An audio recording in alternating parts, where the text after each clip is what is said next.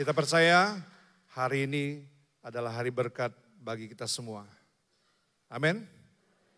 Nah, mari kita membahaskan firman Tuhan. Kita sudah pernah mendengar tentang lima pertanyaan atau question of life. Ya, saya sudah sampaikan mengenai lima pertanyaan ini dan hari ini adalah pertanyaan yang yang kelima. Ya, pertanyaan ini mempunyai maksud dan tujuan untuk menemukan tujuan Tuhan tentang hidup kita. Apa maksud dan tujuan Tuhan tentang hidup kita? Ya, kita keberadaan kita di bumi ini untuk apa dengan semua yang kita miliki. Ya. Dan perhatikan bahwa maksud dan tujuan itu sudah firm, sudah pasti, sudah final dalam setiap kehidupan kita. Maksud dan tujuan Allah itu sudah final di dalam kehidupan kita. Masalahnya adalah kita mau menjalaninya atau tidak. Ya, kita mau memilih untuk menjalaninya atau tidak. Kita kitalah yang memutuskannya. Kita yang memutuskannya untuk menjalaninya. Kalau kita menjalaninya seperti apa yang Tuhan mau, apa yang Tuhan katakan dalam firman-Nya, kita pasti akan sampai kepada tujuan kita. Masalahnya adalah di dalam dunia ini terlalu banyak yang mendistraksi kita. Menarik perhatian kita. Untuk kita menyimpang daripada jalan yang Tuhan sudah tentukan. Yang Tuhan sudah tujukan untuk kita jalani. Dan banyak orang juga yang tidak sampai kepada sasaran. Dan mereka mati tanpa mengetahui tujuannya. Sangat ironis sekali saudaraku, kalau itu sudah selesai Allah tentukan di dalam hidup kita, kita tinggal menjalaninya saja. Itu sebabnya kita perlu bergantung sepenuhnya kepada Tuhan untuk setiap petunjuk-petunjuk Tuhan yang kita jalani. Meskipun itu sudah selesai, sudah final, tapi belum tentu kita bisa mencapai garis akhir itu. Ya. Lima pertanyaan ini mengontrol kehidupan manusia, perilaku manusia. Hampir 8 miliar penduduk dunia ini pada saat ini 8, 8 miliar mungkin 8 miliar lebih sedikit lah. Hidupnya dikontrol oleh lima pertanyaan ini, termasuk hidup kita. Siapa pun diri kita.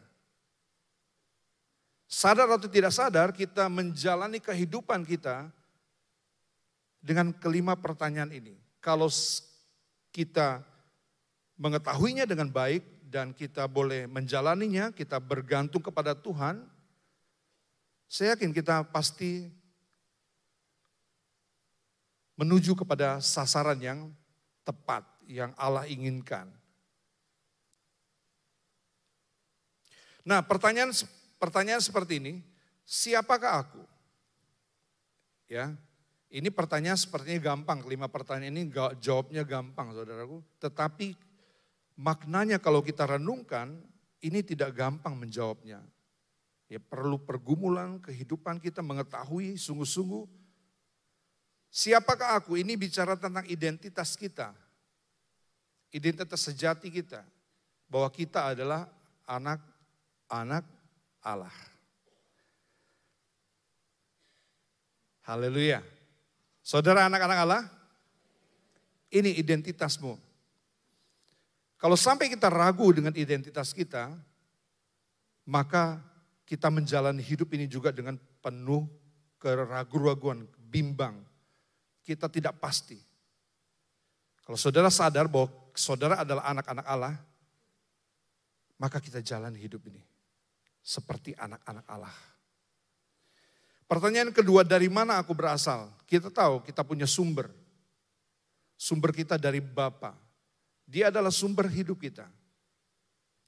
Kalau saudara tahu dari dari dia sumber kita ini berasal, maka kita akan menjalani kehidupan kita seperti apa yang dia pikirkan.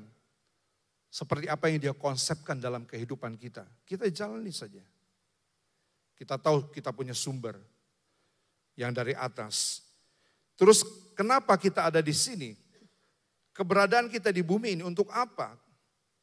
Saudaraku, saudara adalah penting. Sadar atau tidak sadar, saudara sebenarnya adalah saudara eksistensi saudara, keberadaan saudara itu penting di bumi ini. Itu sebabnya Tuhan ciptakan kita berbeda-beda.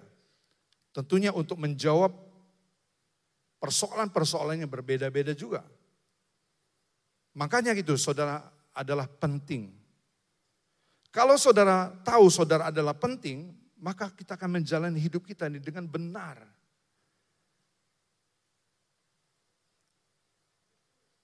Nah sekarang kita sampai ke pertanyaan uh, yang uh, pertanyaan yang keempat, apa yang dapat kita lakukan? Itu bicara tentang potensi kita. Kita lahir dengan sebuah potensi. Dan Allah yang memberi kita potensi itu Allah yang omnipoten. Wow. Dia itu maha kuasa. Dia bikin sesuatu bukan main-main. Dia tidak pernah membuat sesuatu yang sekedar apa? Uh, buat main-main, buat percobaan. Kalau saudara tahu bahwa saudara itu penuh dengan potensi dan potensi itu dipakai untuk menyelesaikan panggilan hidup saudara. Itu sebabnya saudaraku dapat menjalani kehidupan ini sesuai dengan panggilan Tuhan. Nah pertanyaan yang kelima, setelah ini, setelah kita pada titik terakhir, ya, ke mana kita akan pergi. Ini sangat menentukan sekali kalau kita mengerti, kalau sampai kepada titik ini, saudara, ke mana kita akan pergi, kita tidak ada pilihan lagi. Makanya kita akan menyesal dengan kehidupan yang kita jalani selama ini. Saudara harus tahu persis ke mana saudara akan pergi. Dengan apa yang saudara bawa. Dengan apa ke, ke, kema, kepada siapa saudara akan menghadap. Ini coba renungkan. Kalau kita tahu ke mana kita akan pergi setelah ini, kita akan jalani hidup ini dengan benar. Ya. Nah, apa harapannya Tuhan tentang kehidupan manusia di bumi ini? Ke mana kita akan pergi setelah ini? Ya, ke mana kita akan pergi setelah ini? Nah kita lihat harapannya Tuhan tentang kehidupan kita di bumi ini, ini dia. Ya manusia itu dia kepinginnya sukses menyelesaikan tugasnya di bumi. Ya, kita baca sama-sama bagian ini ya. Satu, dua, tiga. Manusia sukses menyelesaikan tugasnya di bumi. Misi semula membawa pengaruh sorga ke bumi dan kembali lagi ke sorga dengan sukses. Ya, kalau kita tahu hal ini, kita sadar menyadarinya, mari kita menjalani, kita masih punya kesempatan. Ada satu titik di mana kita tidak punya jalan untuk kembali. Nanti ya, kita akan lihat. No way to return. Tidak ada jalan balik. Wah di situ kita baru menyadari saudaraku. Benar-benar menyadari. Nah sebelum kita sampai kepada titik itu, marilah kita sekarang. Baiklah kita menyadari dan memberi sikap apa yang terbaik yang dapat kita lakukan pada hari-hari ini. Untuk keluarga saudara, untuk gereja ini, untuk anak-anak kita,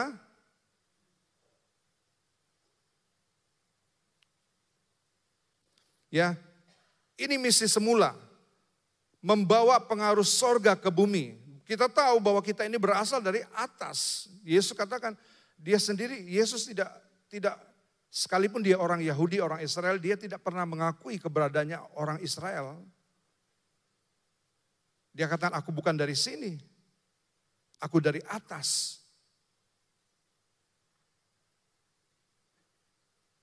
Nah ini keberadaan kita, saudaraku. Kalau saudara percaya, saudara juga berasal dari asal yang sama dari Bapa segala sumber itu. Ya. Misi semula dia utus kita ke bumi ini membawa pengaruh sorga ke bumi ini, menginvasi bumi ini supaya pengaruh kemuliaan sorga dari apa? Dari kemuliaan sampai kepada kemuliaan seluruh bumi ini penuh dengan kemuliaan Tuhan. Maka kita tahu ini misi kita. Apa pun pekerjaan saudara, ingat ini misi kita. Kita membawa pengaruh sorga ke atas bumi ini. Siapa pun saudara, pekerjaan apa pun yang saudara sedang lakukan di bumi ini, ingat ini misi awal kita. Ya. Tuhan menaruhnya di dalam hati kita yang paling dalam. Temukan itu dengan potensi kita Potensi yang Tuhan berikan kepada kita untuk dipakai buat apa? Buat ini, menyelesaikan tugas kita. Menyelesaikan panggilan kita. Haleluya. Selesaikan panggilan saudara. Saudara punya panggilan semua. Saya percaya semua saudara-saudara ini. Engkau punya panggilan ilahi atas hidupmu. Dan potensi yang ada dipergunakan untuk apa? Untuk ini, menyelesaikan penugasan ilahimu.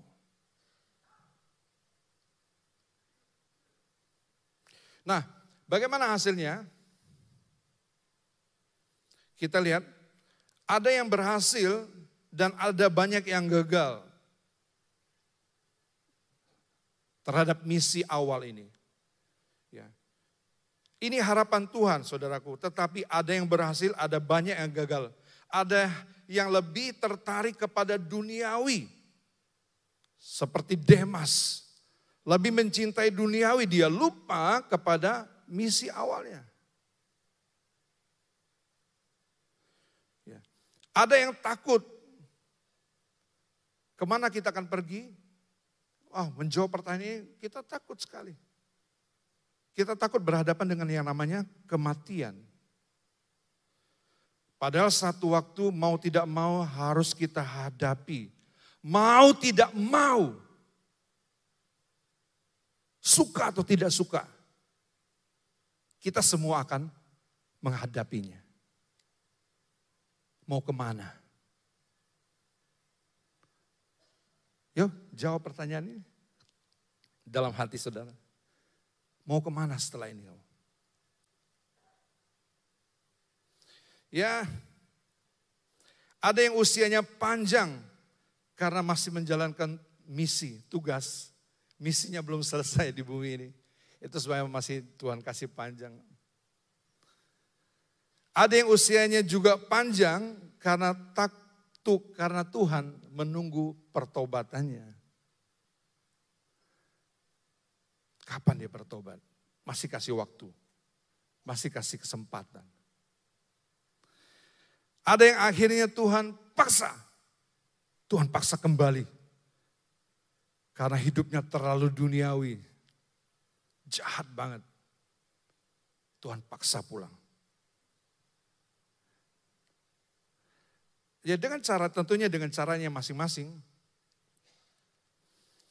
Saudaraku, Yesus juga menyadarinya bahwa dia berasal dari Bapa. Yesus dia menyadarinya, dia mengetahuinya bahwa dia juga berasal dari Bapa. Di bumi ini dia menjalankan tugasnya sampai selesai. Ya minggu lalu kita sudah dengar firman Tuhan tentang tetelestai. Sudah selesai. Usianya begitu muda, 33 setengah tahun.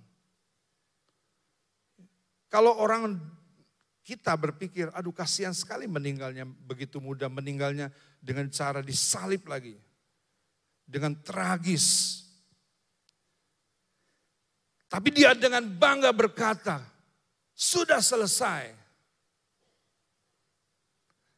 Sudah selesai semua apa yang dia lakukan.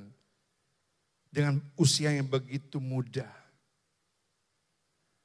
Ini bukan bicara tentang usia tua atau muda. Tentang ini misi kita. Selesai belum saudara-saudara? Sebelum menghadap kepada Bapa, selesaikan dulu.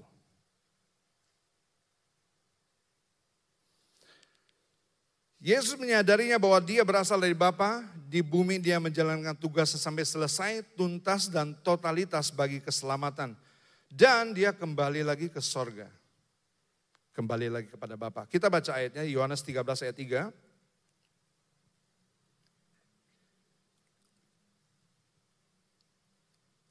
Yesus tahu bahwa Bapaknya telah menyerahkan segala sesuatu kepadanya. Lihat ini, Yesus tahu bahwa Bapaknya menyerahkan segala sesuatu, baik otoritas yang di bumi ini, otoritas di, sorga, diserahkan kepada tangan Yesus.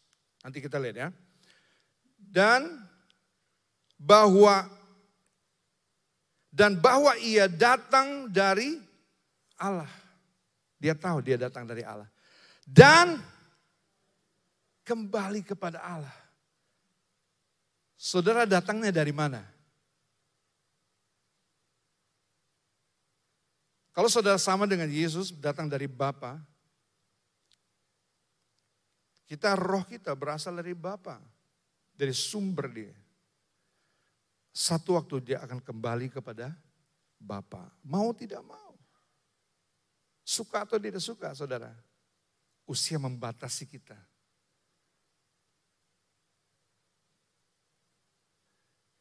Ya, apa yang Yesus lakukan? Dia, lihatlah dia misinya, dia jalankan saudaraku. Meskipun segala sesuatu sudah diberikan oleh Bapak ke dalam tangannya. Tapi dia tidak menggunakannya dengan sembarangan. Dia gunakannya untuk apa? Ayat, yang keempat, lalu bangunlah Yesus dan menanggalkan jubahnya. Ia mengambil sehelai kain lenan dan mengikatnya pada pinggangnya dia mengambil status sebagai hamba yang melayani. Ya, yang melayani. Kita lihat ya. Segala sesuatu sudah diserahkan kepada Yesus. Dan otoritas itu sekarang ada di tangannya. Untuk apa? Dia tidak sok-sokan, jago-jagoan untuk supaya orang melihat dia hebat. Tidak, dia mengambil rupa seorang hamba. Perhatikan potensi yang maksimal Tuhan berikan kepada kita. Untuk kita jalankan misi kita sebagai seorang anak-anak Tuhan. Yesus mengambil rupa sebagai seorang hamba. Dia merendahkan dirinya. Dia mengambil handuk kehambaan itu. Dia cuci kaki murid-muridnya. Dan banyak lagi yang Yesus kerjakan. Kesanggupan itu dari mana? Allah memberikannya. Wow, kalau kita diberikan kuasa seperti ini. Hmm. Tapi Yesus diberi kuasa seperti ini. Dia diberi kemampuan untuk merendahkan dirinya. Kuasa itu dipakai untuk melayani.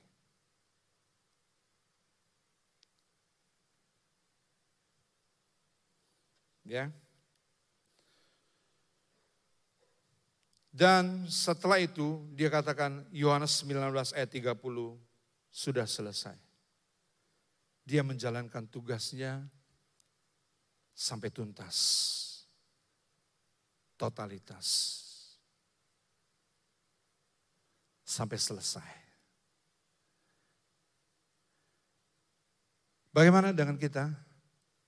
Tahukah saudara misi saudara di bumi ini?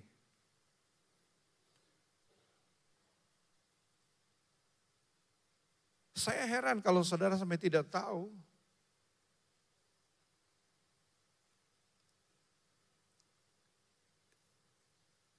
Ini Tuhan taruh misi ini di dalam setiap kita. Kita baca ya, Paulus pun menyadarinya sebagai manusia. Paulus menyadarinya. Kita lihat di dalam kisah para rasul 20 ayat yang ke-24. Kisah 20 ayat yang ke-24, kita baca. Tetapi aku tidak menghiraukan nyawaku sekalipun tidak menghiraukan nyawaku sedikit pun, asal saja aku dapat mencapai garis akhir. Itu dia. Semua potensi kekuatannya mencapai garis akhir. Dia tetap setia melakukannya sampai garis akhir. Ini misi saudara kalau saudara sampai tidak tahu, kita akan menjawab mau tidak mau pertanyaan yang terakhir ini. Mau ke mana? Kita diperhadapkan dengan tata anak domba yang akan mengadili kita. Bukan untuk menentukan masuk surga atau tidak, tapi upah. Mari dengan kemampuan, dengan apa yang ada saudara miliki, sampai saudara tidak tahu apa misimu di, di dunia ini, wah kita lapor apa saudara ke kehadapan Tuhan? Kita mau lapor apa? Tuhan, aku tidak tahu Tuhan. Aku tidak pernah diajar. Mungkin itu kita punya alasan. Tapi percayalah alasan apa pun yang kita gunakan ya sekali lagi. Alasan apa pun yang kita gunakan di hadapan tahta Allah, tahta anak domba itu tidak laku satupun. Tidak laku alasan apa pun. Yang kita gunakan. Mau menyalahi orang lain. Mau menyalahin siapa lagi? Nyalahin pendeta kita, kita diajar. Sekalipun memang kita tidak mempunyai alasan di hadapan tahta itu. Kita tidak dapat memberi alasan apa pun. Alasan kita kayaknya kosong. Nah, Sadarkah Tuhan akan membawa kita kepada pertanyaan akhir tentang hidup di bumi ini? Ya. Dia meminta pertanggungjawaban atas hidup kita. Setelah kita ada di meja operasi, di sana menentukan sekali hidup lanjut atau game over. Itu pertanyaan Tuhan. Mau ke mana?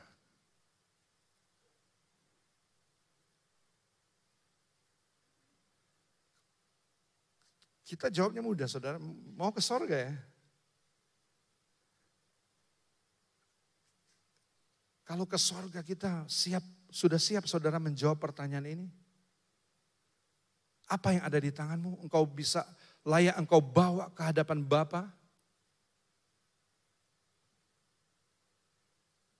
Apa yang ada di tangan kita? Kita layak, layak enggak kita menghadap Tuhan? Dengan apa yang ada di tangan kita. Nanti kita akan lihat semua yang kita bawa prestasi-prestasi kita di hadapan Tuhan nol. Kalau tidak menyenangkan hati Tuhan. Kalau tidak kita membuat Tuhan senang hatinya.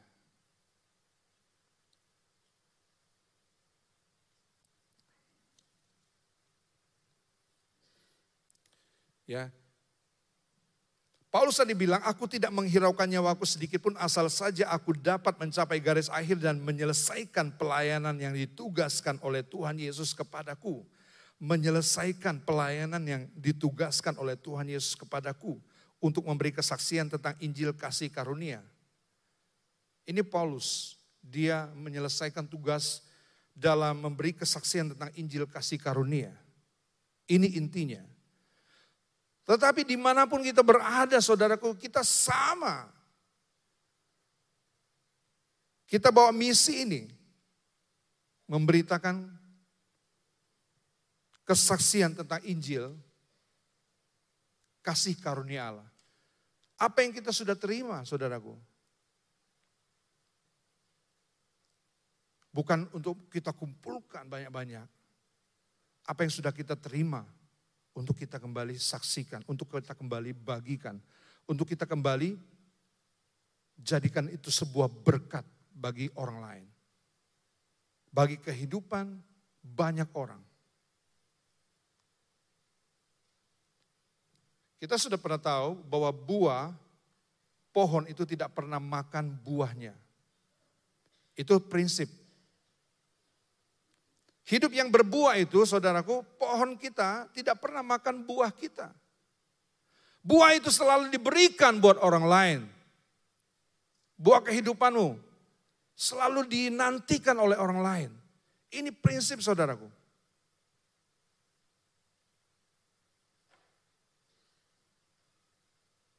Ya, percayalah saudara keuntungan itu kembali kepada diri kita lagi.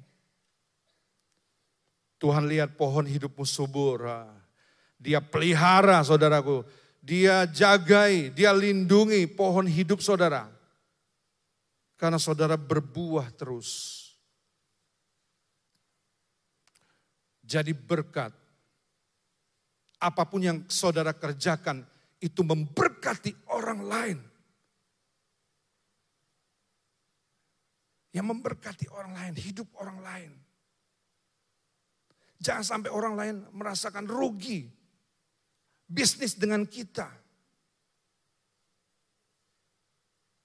Jangan sampai kayak gitu saudara. Kita semua akan menghadap kepada tahta Bapak kita. Mempertanggungjawabkan semua yang dia percayakan kepada kita.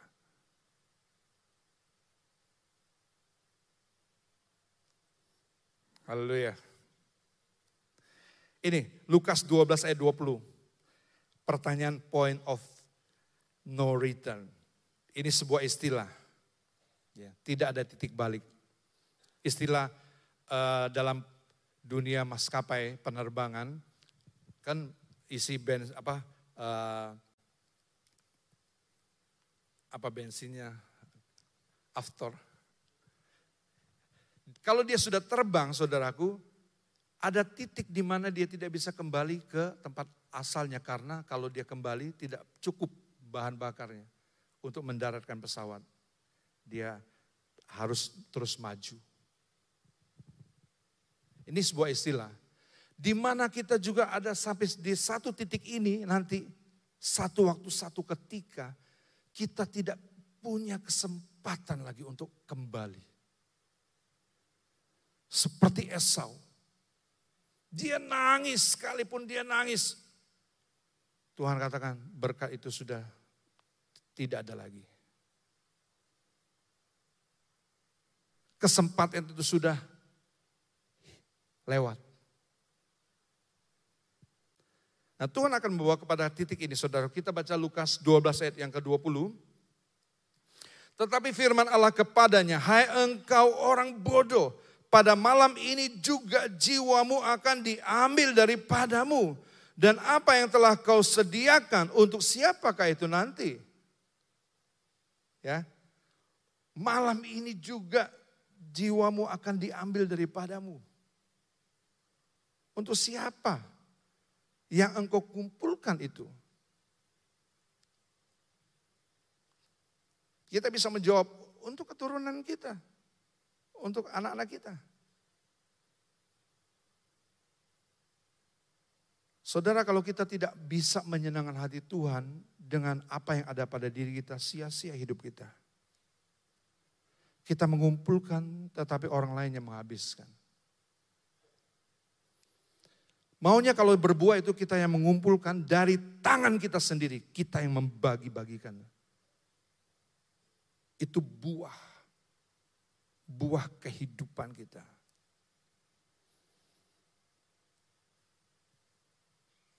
Nah, kira-kira bodoh atau bijaksanakah hidup yang kita jalani selama ini? Jadi pertanyaan juga, bodoh atau bijaksana ya? Hidup yang kita jalani selama ini. Sudah siapkah kalau Tuhan menginginkan kematian kita pada hari ini? Sudah siapkah? Sudah siapkah kita memberi pertanggung jawab kepada Tuhan jika hari ini Tuhan menginginkan kematian kita? Hai engkau orang bodoh, jiwamu akan diambil daripadamu malam ini juga. Malam ini juga. Kesempatan itu habis. Mau ke mana?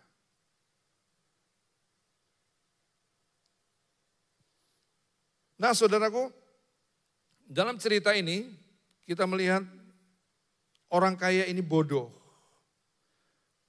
Tentu dia orang yang pintar sekali dalam mengelola keuangan sehingga dia menjadi kaya. Lumbung-lumbungnya diperbesar. Dia bukan orang bodoh, benar-benar bodoh saudaraku. Tetapi Yesus katakan dia bodoh dalam kehidupannya. Hei engkau orang bodoh. Pada malam ini jiwamu diambil malam ini juga. Untuk siapa yang kita kumpulkan. Semua jerilalah kita. Bukan sia-sia.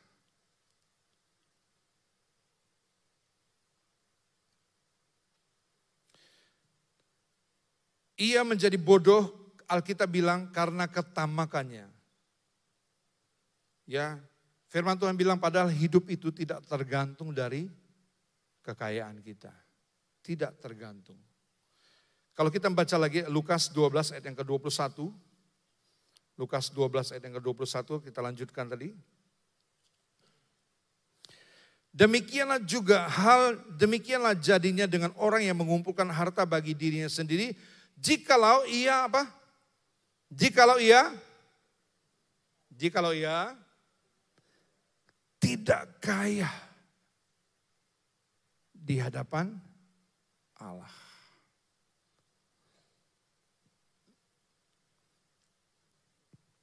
Wow, penting sekali nih kaya di hadapan Allah.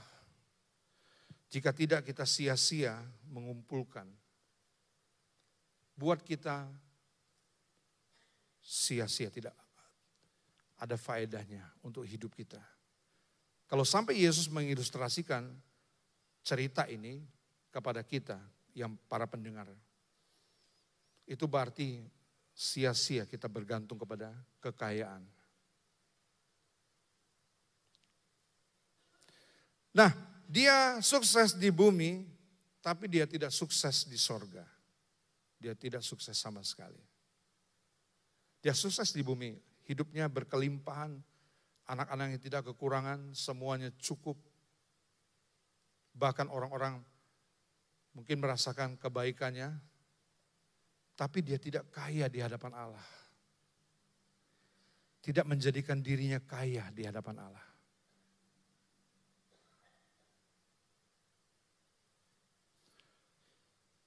Dia tidak menjalankan misinya di dalam dunia ini. Membawa pengaruh sorga, mempengaruhi bumi ini. Dan selesai kembali. Itu dia tidak jalankan dengan sepenuhnya. Dia tidak jalankan dengan sebaik mungkin, dia lebih mencintai dunia. Dia lebih cinta kepada dunia. Dua Timotius 4 ayat yang 10, karena Demas telah mencintai dunia dan meninggalkan aku. Dia tinggalkan misinya. Karena karena terlalu cinta dunia.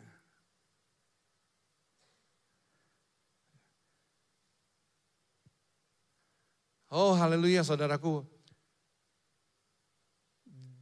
Uang tidak ada tidak bersalah sama sekali. Bagaimana kita memperlakukan uang itulah yang membuat kita bersalah. Bagaimana kita memperlakukan kekayaan kita, itu yang membuat kita bersalah di hadapan Tuhan. Mencintai dunia ini. Dia terlalu cinta dunia ini.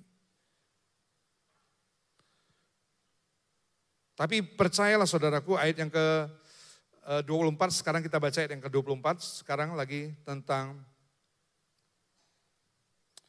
seorang yang kaya, seorang muda yang kaya ini, seorang muda yang kaya.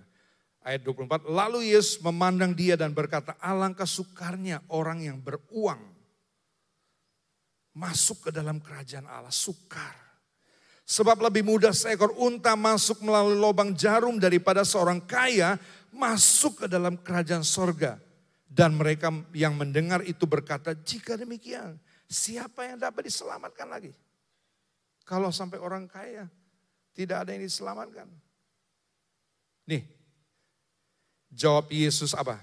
Kata Yesus, apa yang tidak mungkin bagi manusia, mungkin bagi Allah. Haleluya. Haleluya. Bagi manusia tidak mungkin. Tidak mungkin selamat.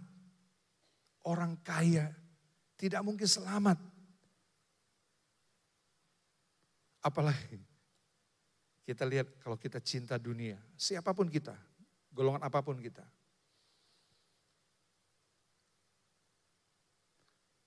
Bagi manusia tidak mungkin prediksi, bukan prediksi, kata Yesus.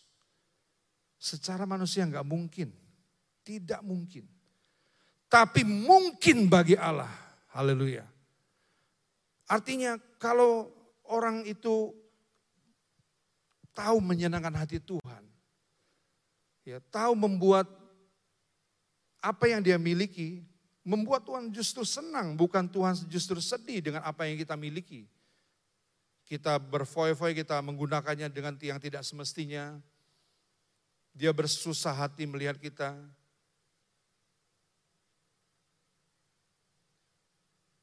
Kalau kita pakai semua itu untuk memuliakan Tuhan, kita pakai untuk menjalankan misi kita di dunia ini sampai selesai, tuntas, totalitas. Apa yang saudara kerjakan? Pelayanan apa? Kalau saudara Tuhan memanggilmu untuk misi itu, lakukanlah sampai selesai, tuntas, dan totalitas. Pelayanan yang kita ambil, waktu pertama kali kita komitmen kepada Tuhan untuk melayani Tuhan, kita ambil komitmen itu. Lakukanlah pelayanan kita dengan sampai selesai, tuntas, dan totalitas. Penghalangnya pasti banyak saudaraku. Ya, Believe Jesus, costnya nothing. Percaya Yesus tidak ada biaya. Just believe.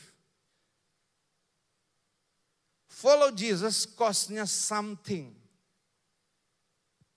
Ada harga yang kita harus bayar. Mengikuti Yesus, menyangkal diri, memikul salib. Tapi serve Jesus, melayani Yesus, kita harus sudah siap costnya everything.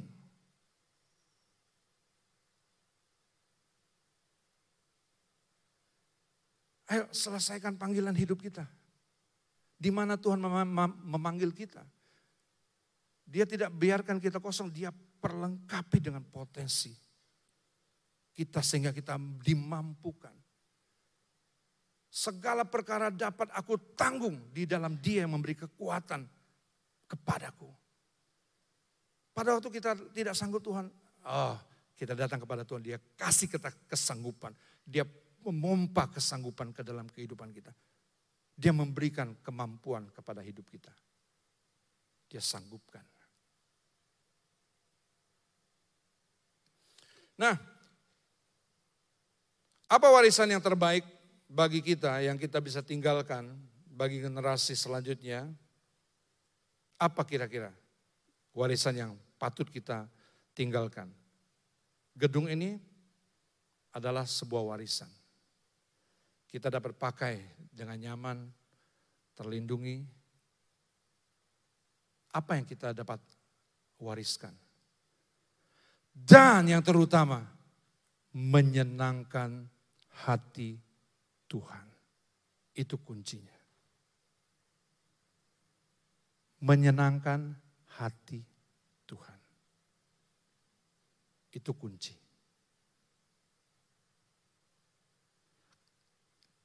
Apa kira-kira yang kita bisa tinggalkan? Nah, lakukan sesuatu yang menyentuh hatinya Tuhan. Hatinya Tuhan berkenan. Kita menyentuh hatinya.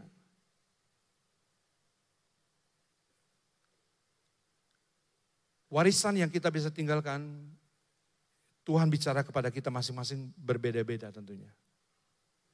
Kita tangkap maksud Tuhan. Kita tangkap hati Tuhan itu apa. Biarkan Tuhan bicara kepada kita apa yang patut kita tinggalkan ya Tuhan.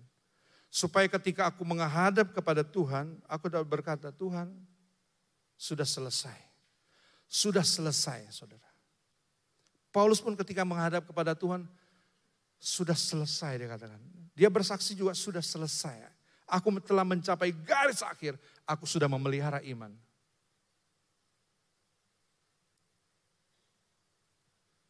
Kisah Rasul 13 ayat yang ke-22.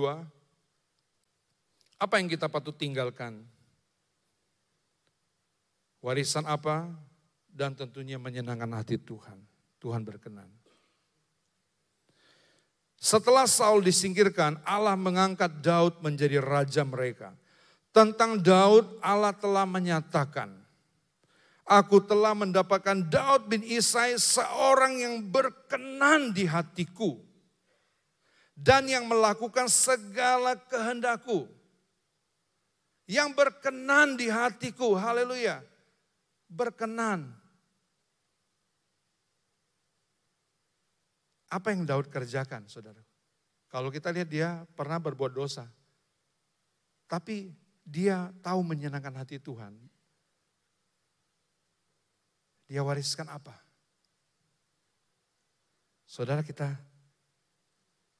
baca kisah 15 ayat 16. Dia tinggalkan warisannya, pondok Daud. Pondok Daud ini inisiatif hatinya Daud. Kalau Tuhan punya apa? Bukan bertentangan sama Tuhan Daud ya. Tuhan itu buat pembatas, ruang kudus dan ruang maha kudus. Tidak boleh orang yang sembarangan masuk ke dalam ruang maha kudus. Tetapi Daud, saking dia menyenangkan hati Tuhan, dia buat satu pondok yang hanya itu peralatannya saudaraku. Tabut perjanjian. Begitu setiap orang bisa menghampiri tabut itu, langsung bisa melihat tabut itu. Tapi dia tidak bisa melihat isinya. Langsung bisa berhadapan dengan Tuhan. Itulah yang diwariskan oleh Daud. Supaya setiap orang yang tidak percaya bagi kita keturunan orang-orang Gentiles, orang-orang yang bukan orang-orang Yahudi, bisa datang kepada Tuhan, bisa menghampiri Tuhan. Saudara bersyukur, ini digenapkan oleh Yesus ketika Yesus mati di atas kayu salib. Dia katakan sudah selesai apa? Tirai bait Allah itu terbelah menjadi dua. Sekarang kita bebas memuji, menyembah Tuhan. Itu sebenarnya ketika saudara memuji, menyembah Tuhan, itu kita mendapatkan anugerah yang begitu luar biasa saudara. Kita bisa berjumpa dengan Tuhan secara langsung. Tuhan bisa memberkati kita secara langsung. Ketika kita memuji dan menyembah dia. Itu warisannya Daud. Pondok Daud akan dibangun kembali. Kisah para Rasul 15 ayat 16. Nah, Tuhan bicara kepada kita masing-masing. Apa yang kira-kira berkenan kepada Tuhan? Menyenangkan hati Tuhan. Tuhan kerjakan misi ini. Sampai selesai kerjakan saudaraku. Tuhan tolong saudara, jangan sampai setengah jalan. Sampai selesai tuntas dan totalitas. Kerjakan sampai selesai. Dan saatnya kita kembali kepada ba, Bapa di sorga. Haleluya. Haleluya saudara. Haleluya. Mau selesaikan misi kita? Kita tidak takut ketika kita menghadap Tuhan.